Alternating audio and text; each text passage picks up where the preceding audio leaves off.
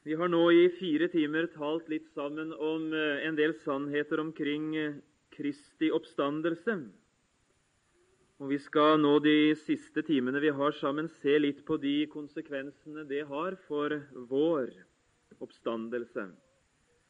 Det blir en del helt fundamentale og ikke så vanskelig tilgjengelige sannheter som kunne være en slags førstehjelp, i alle fall når det gjaldt eh, veiledning i det emnet. Vi vil eh, be litt sammen. Far i himmelen, vi vil eh, gjerne fortsatt be om å få være på hellig grunn, slik vi hadde følelsen av å være det nå i siste time. Vil du enda en gang åpne Skriftene for oss og lukke oss inn i noen av de hemmeligheter som er nedlagt i evangeliet om din sønn? Vil du gjøre det godt for den enkelte å høre nå? Vil du gjøre det tydelig for oss? Vil du gi meg det jeg trenger for å tale? I ditt navn, Jesus. Amen. Vi vil finne fram oppstandelseskapitlet i Bibelen enda en gang, første Korinterbrev og kapittel 15. Og I formiddag leser vi avsnittet fra vers 20 til og med vers 28 i sammen. Første Korinterbrev 15 og vers 20. Men nå er Kristus oppstanden fra de døde og er blitt førstegrøden av de hensovede. For Ettersom døden er kommet ved ett menneske, så er òg de dødes oppstandelse kommet ved ett menneske. For like som alle dør i Adam, så skal òg alle levendegjøres i Kristus. Men hver i sin egen avdeling. Kristus er førstegrøden Deretter skal de som hører Kristus til, levendegjøres ved Hans komme. Deretter kommer enden, når Han overgir riket til Gud og Faderen, etter at Han har tilintetgjort all makt og all myndighet og velde. For Han skal være konge inntil han får lagt alle sine fiender under sine føtter. Den siste fiende som tilintetgjøres, er døden. For han har lagt alt under hans føtter. Men når han sier at alt er ham underlagt, så er det klart at han er unntatt, som har underlagt ham alt. Men når alt er ham underlagt, da skal òg Sønnen selv underlegge seg ham, som la alt under ham, for at Gud skal være alt i alle. Når det gjelder den bibelske forkynnelse av oppstandelsens budskap med hensyn på mennesker, så er det et forhold som er veldig nødvendig og også nyttig å være oppmerksom på. Det vil vi understreke før vi går litt mer direkte inn i det vi har lest. Det er ikke sjelden i mange sammenhenger at alt som heter oppstandelse, det skyves ut til det som kalles den ytterste dag. Det som grovt sett er å si om oppstandelsen i veldig mange sammenhenger, det er at den vil finne sted ved verdens ende. Det vil være kollektivt, altså for alle, og det vil markere slutten på alt som hører denne nåværende verden til. Jeg må bare si at det er en vanskelig sak å nikke til og si ammen til. Nå beveger jeg meg ofte i sammenhenger hvor dette er vanlig å høre, og derfor så er det ikke alltid lett å tale på annet vis om disse ting. Og Jeg vet at en del av dere kanskje dere ungdommene spesielt, vil møte ganske sterke krefter som sier omtrent sånn at oppstandelse det vil finne sted helt i slutten av denne verdens tidsalder, og det er på den ytterste dag at han skal komme igjen for å dømme levende og døde. Da vil oppstandelsen finne sted. Jeg har lyst til å, å, å si litt akkurat om det.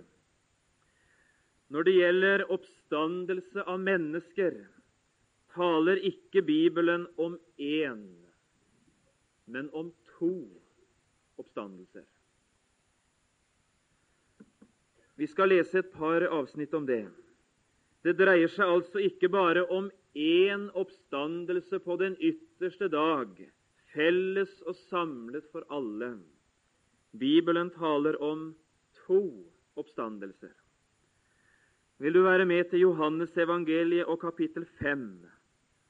Vi skal bare markere et par uttrykk midtveis i det kapitlet. Johannes 5, vers 26 og litt utover.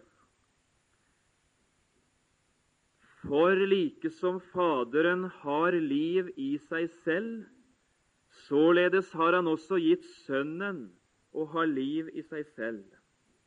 Og han har gitt ham makt til å holde dom, fordi han er en menneskesønn. Undre dere ikke over dette. Her legger vi merke til først at Jesus gjør oppmerksom på at, at Sønnen er overlatt to ting. For det første, liksom Faderen har liv i seg selv, således har han også gitt Sønnen å ha liv i seg selv. Og det andre, Faderen har gitt ham, altså Sønnen, makt til å holde dom og så trekkes en konsekvens av de to ting. Vers 28. Undre dere ikke over dette, for den time kommer da alle de som er i gravene, skal høre Hans røst, alle uten unntak. Og de skal gå ut. Men så gjøres vi oppmerksom på at, at det, det framtrer et slags skille, en form for deling. De skal gå ut, de som har gjort godt, til livets oppstandelse. De som har gjort ondt, til ikke dødens, men til dommens oppstandelse. Og Det vi bare enkelt merker oss, det er at Jesus på denne måten taler om to oppstandelser. Han kaller den ene for livets oppstandelse. En oppstandelse for noen til liv. Og en oppstandelse for eh, den motsatte kategori til dom. Merk deg bare uttrykka. Ikke én, men to oppstandelser. Så går vi til åpenbaringsboka og kapittel 20. Der eh, gjøres vi oppmerksom på et par ting som vil utfylle akkurat sjølve ordene. I Åpenbaringen 20 og vers 4-6. Vi går ikke inn på det i detalj, men streker bare under det som har, har konsekvens og betydning akkurat for det vi er bortpå nå. Johannes han skriver, Og jeg så troner, og de satte seg på dem og det ble gitt dem makt til å holde dom. Og jeg så deres sjeler som var blitt halshugget for Jesu vitnesbyrds og for Guds ords skyld, og dem som ikke hadde tilbedt dyret eller dets bilde, og som ikke hadde tatt merke på sin panne og på sin hånd. Og de ble levende og regjerte med Kristus i tusen år. Men de andre døde ble ikke levende igjen før de tusen år var til ende. Og så samler Johannes det han har skrevet om på forhånd. Dette er den første oppstandelse.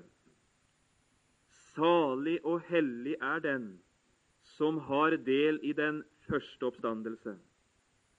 Over dem har den annen død ikke makt. Men de skal være Guds og Kristi prester og regjere med ham i tusen år. I åpenbaringsbokas 20. kapittel er vi inne i siste fase, om du vil, av det som Johannes i slutten av vers 5 sammenfatter og konkluderer og sier dette er den første oppstandelse. Det vi leser om i vers 4, markerer slutten av en større enhet som altså kalles den første oppstandelse. Og Der blir vi gjort oppmerksom på at mellom den første og den siste, eller den andre, ligger der en periode på minst 1000 år. Bibelen taler om to oppstandelser.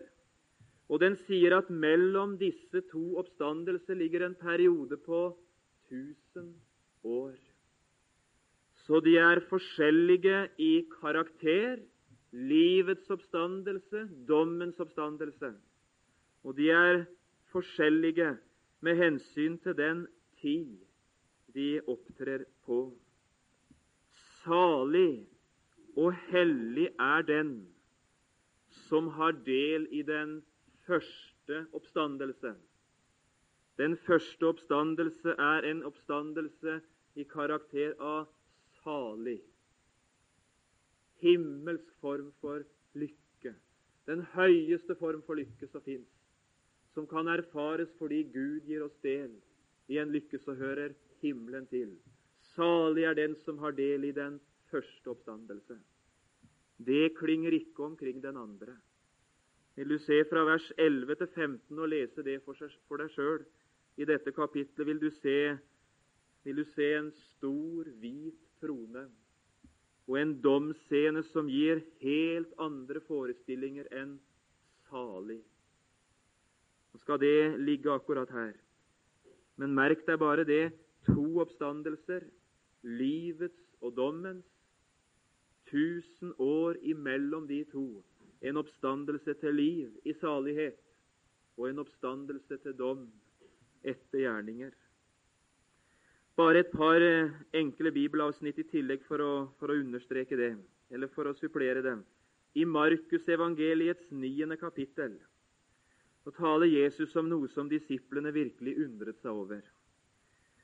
Begynnelsen av Markus 9 forteller om Jesus sammen med Peter, Jakob og Johannes. De har vært oppe på fjellet og de for De har sett Jesus forklaret for sine øyne. Nå er de på vei ned. Vers 9.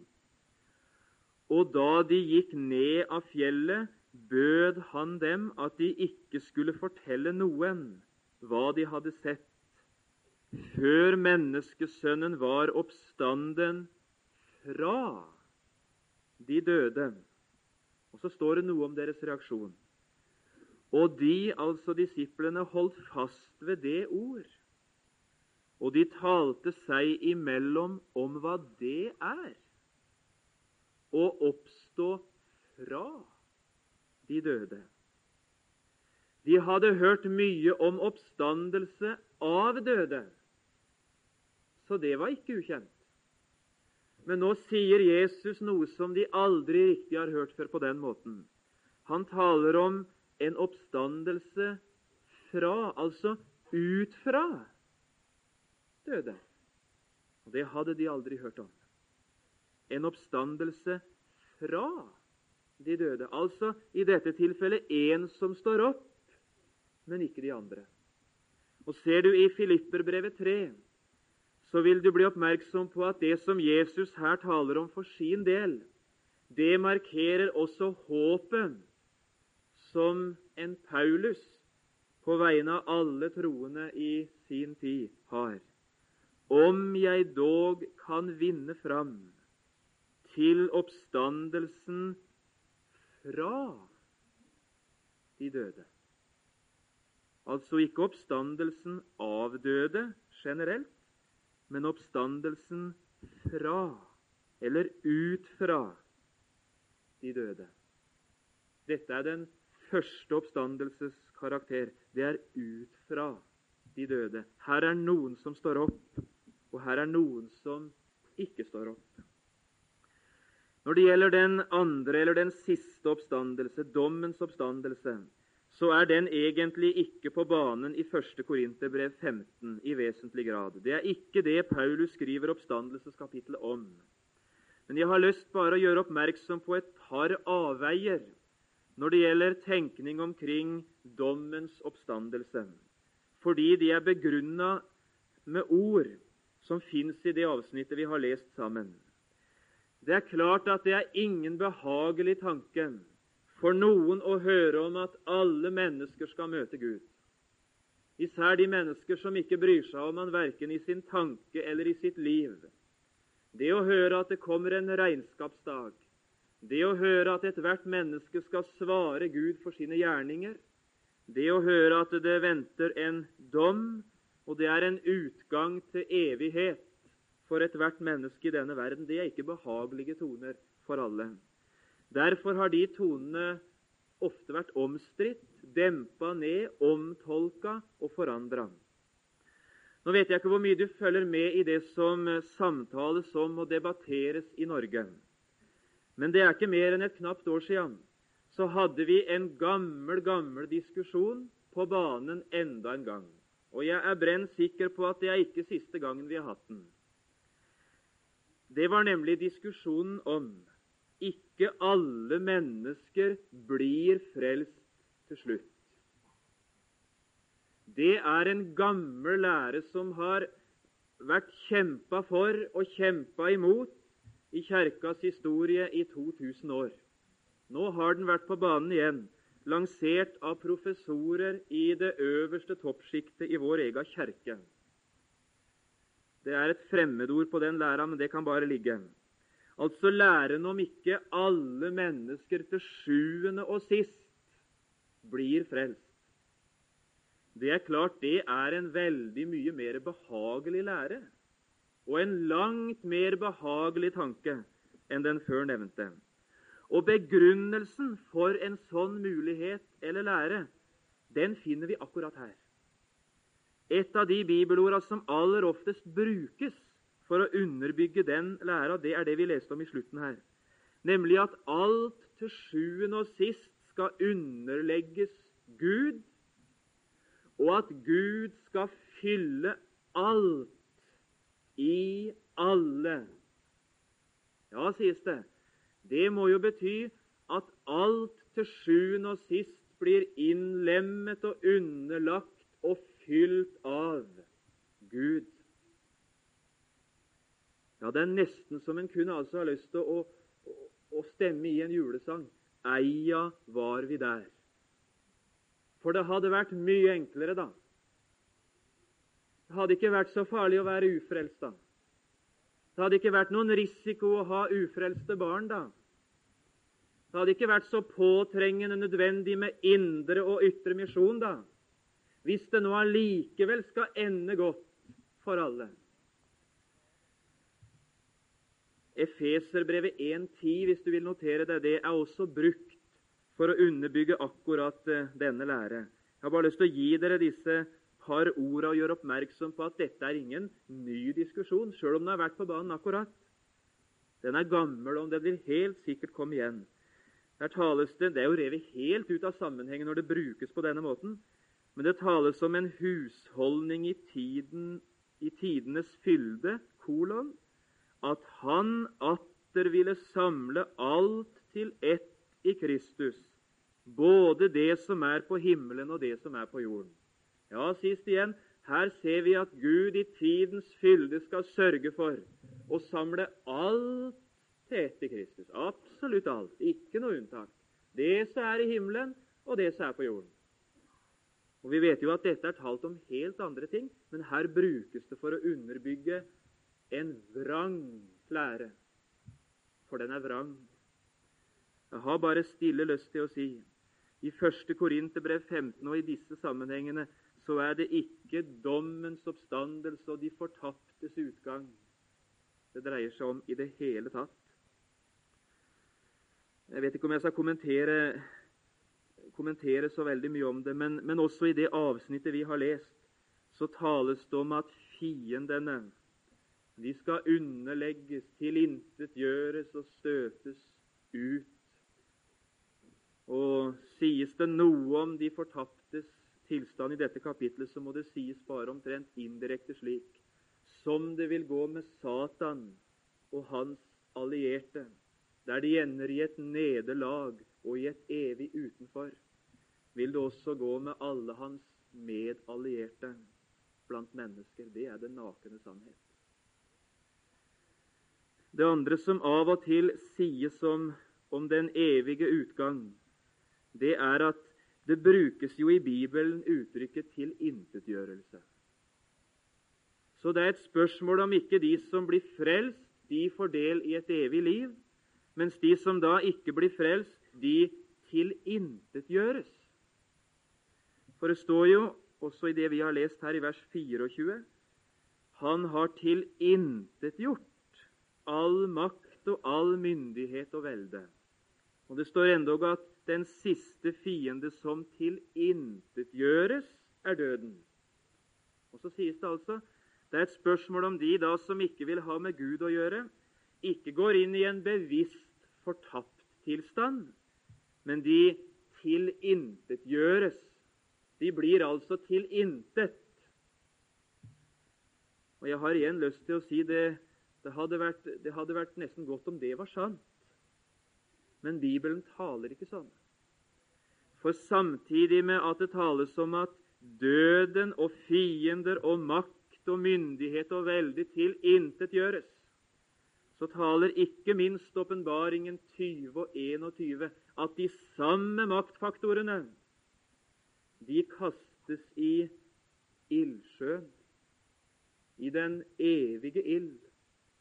Så tilintetgjørelse, sånn som det framstilles i første Korinterbrev, betyr ikke en tilintetgjørelse der jeg for evig og alltid er radert ut av alt som heter bevissthet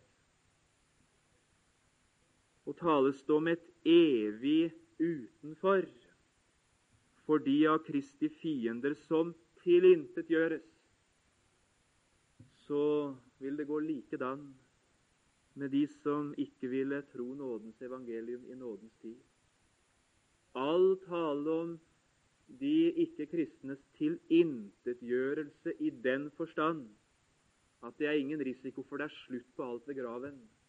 Det er farlige saker, og det er livsfarlig sterk sovemedisin for de som skulle ha vært vakt og omvendt.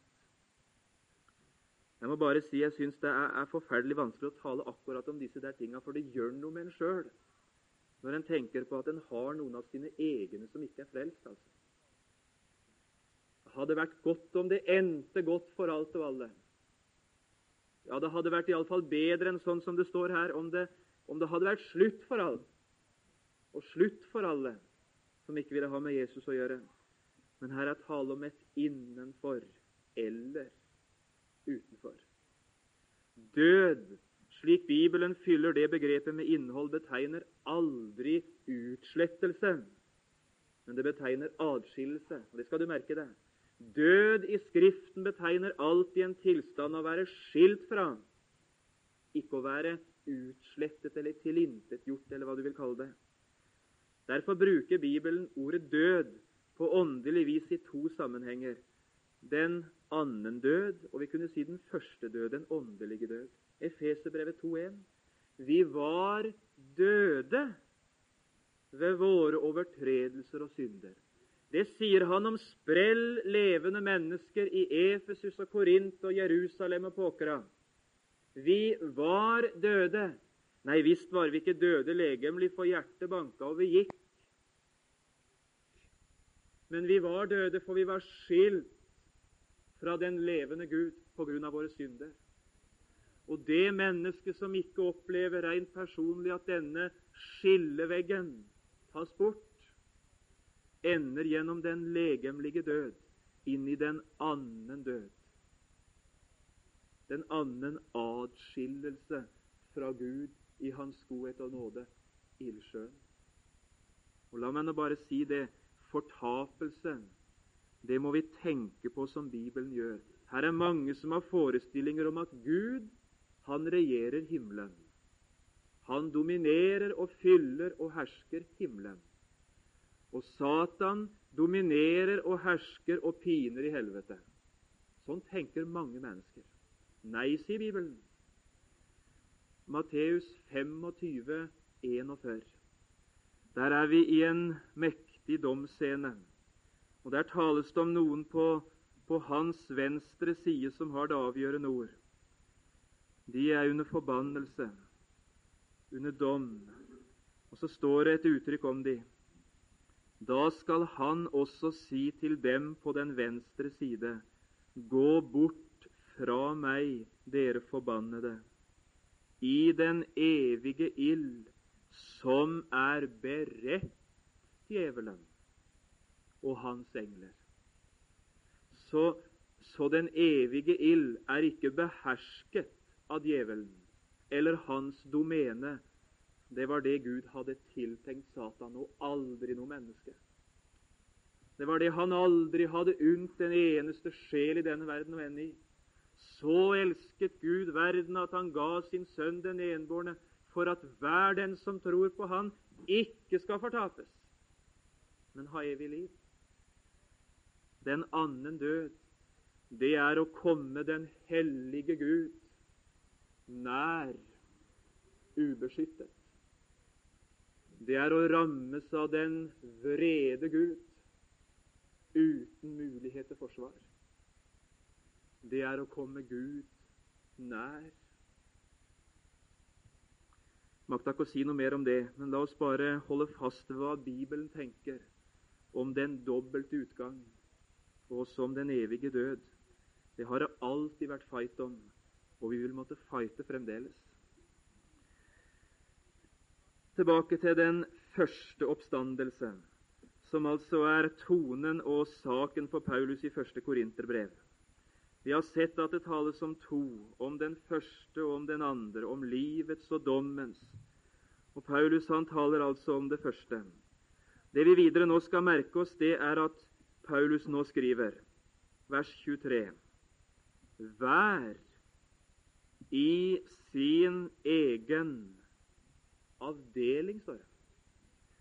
Den første oppstandelse vil ikke totalt sett finne sted i ett øyeblikk, men den vil finne sted i ulike avdelinger, i ulike etapper, i ulike begivenheter, om du vil.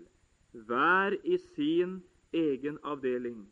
Bakgrunnen det er forholdet mellom Adams gjerning, som førte til fall for alle, og Kristi gjerning som fører til liv for alle.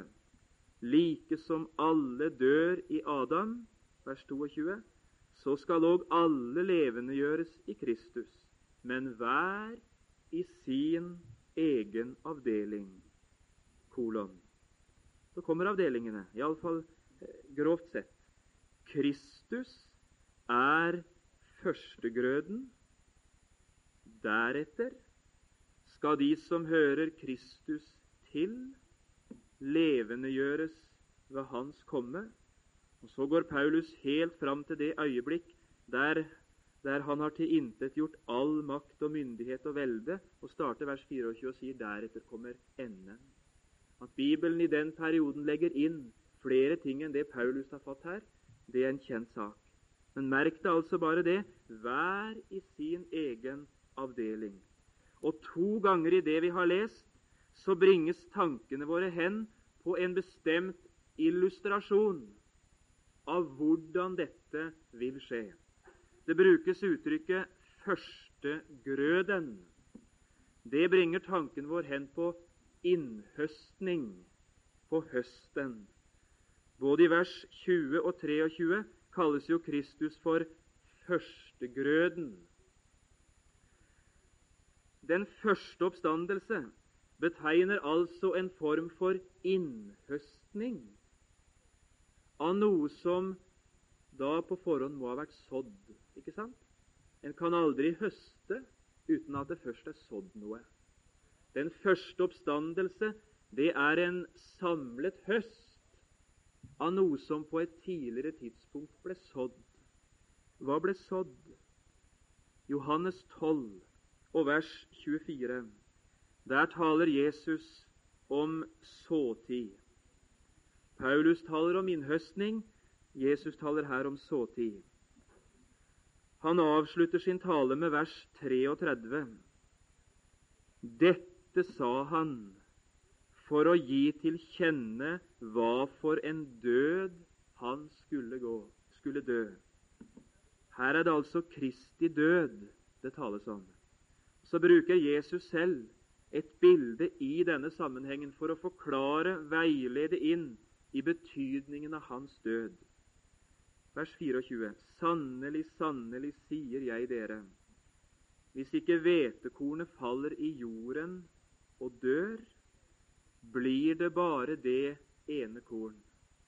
Men hvis det dør, bærer det megen frukt. Hvetekornets lov, ja.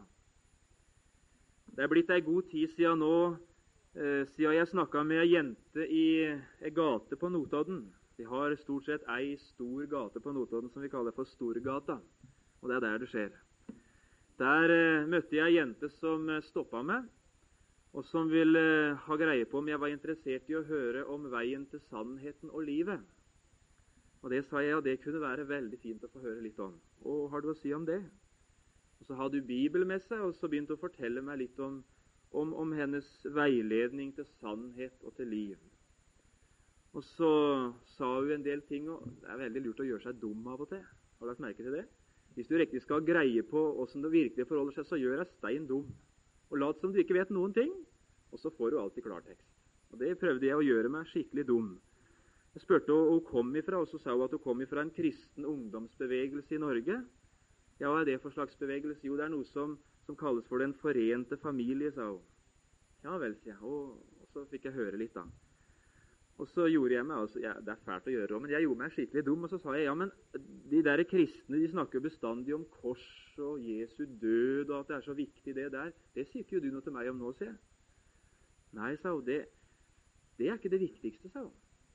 For, eh, for dette med at Jesus døde, det hadde ikke Gud tenkt, ser du. Hadde tenkt, han hadde tenkt at han skulle sende sin sønn og gjennom det Jesus var og gjorde, i det han lærte og sa, og alt sånn, så skulle han vende folket om så de kom til tro på Gud igjen, og Gud kunne opprette sitt rike. Men dette skjønte ikke jødene, fortalte hun. De drepte Jesus. Så det hadde Gud egentlig ikke tenkt, men det skjedde altså. Og Så skynda hun seg å la til. Men det betyr ikke at Guds, Guds plan er velta endelig, for nå skal, han, nå skal han sende snart gjenkomstens Herre som da skal gjøre det som Jesus ikke maktet å gjennomføre fordi de drepte ham. Du, her er en del ungdom fra kristne hjem i Norge som er lokka inn i Den forente familie fordi de markerer i utgangspunktet et fellesskap med omsorg, med varme, med mottagelighet og med åpenhet. Ikke spøk å komme som landsens ungdom til Oslo Moen Stikk aleine.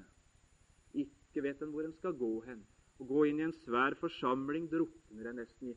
Så møter en noen brennende ungdommer på gata som sier Vil du ikke være med hos oss? Kaller seg kristen ungdomsbevegelse, bruker Bibelen og sier vi har et fellesskap der vi gjerne vil ha deg med. Og dras inn og rett i rimet. Jeg har altså lyst til å si det er, det er kritisk når det, når det, kan stå fram mennesker med Bibel i hånd og med, med, en slags forståelse av at de er kristne, og si at Jesus, Jesu død hadde Gud ikke tenkt. Hvis ikke hvetekornet faller i jorden og dør, blir det bare det ene korn. Men hvis det dør, bærer det megen frukt.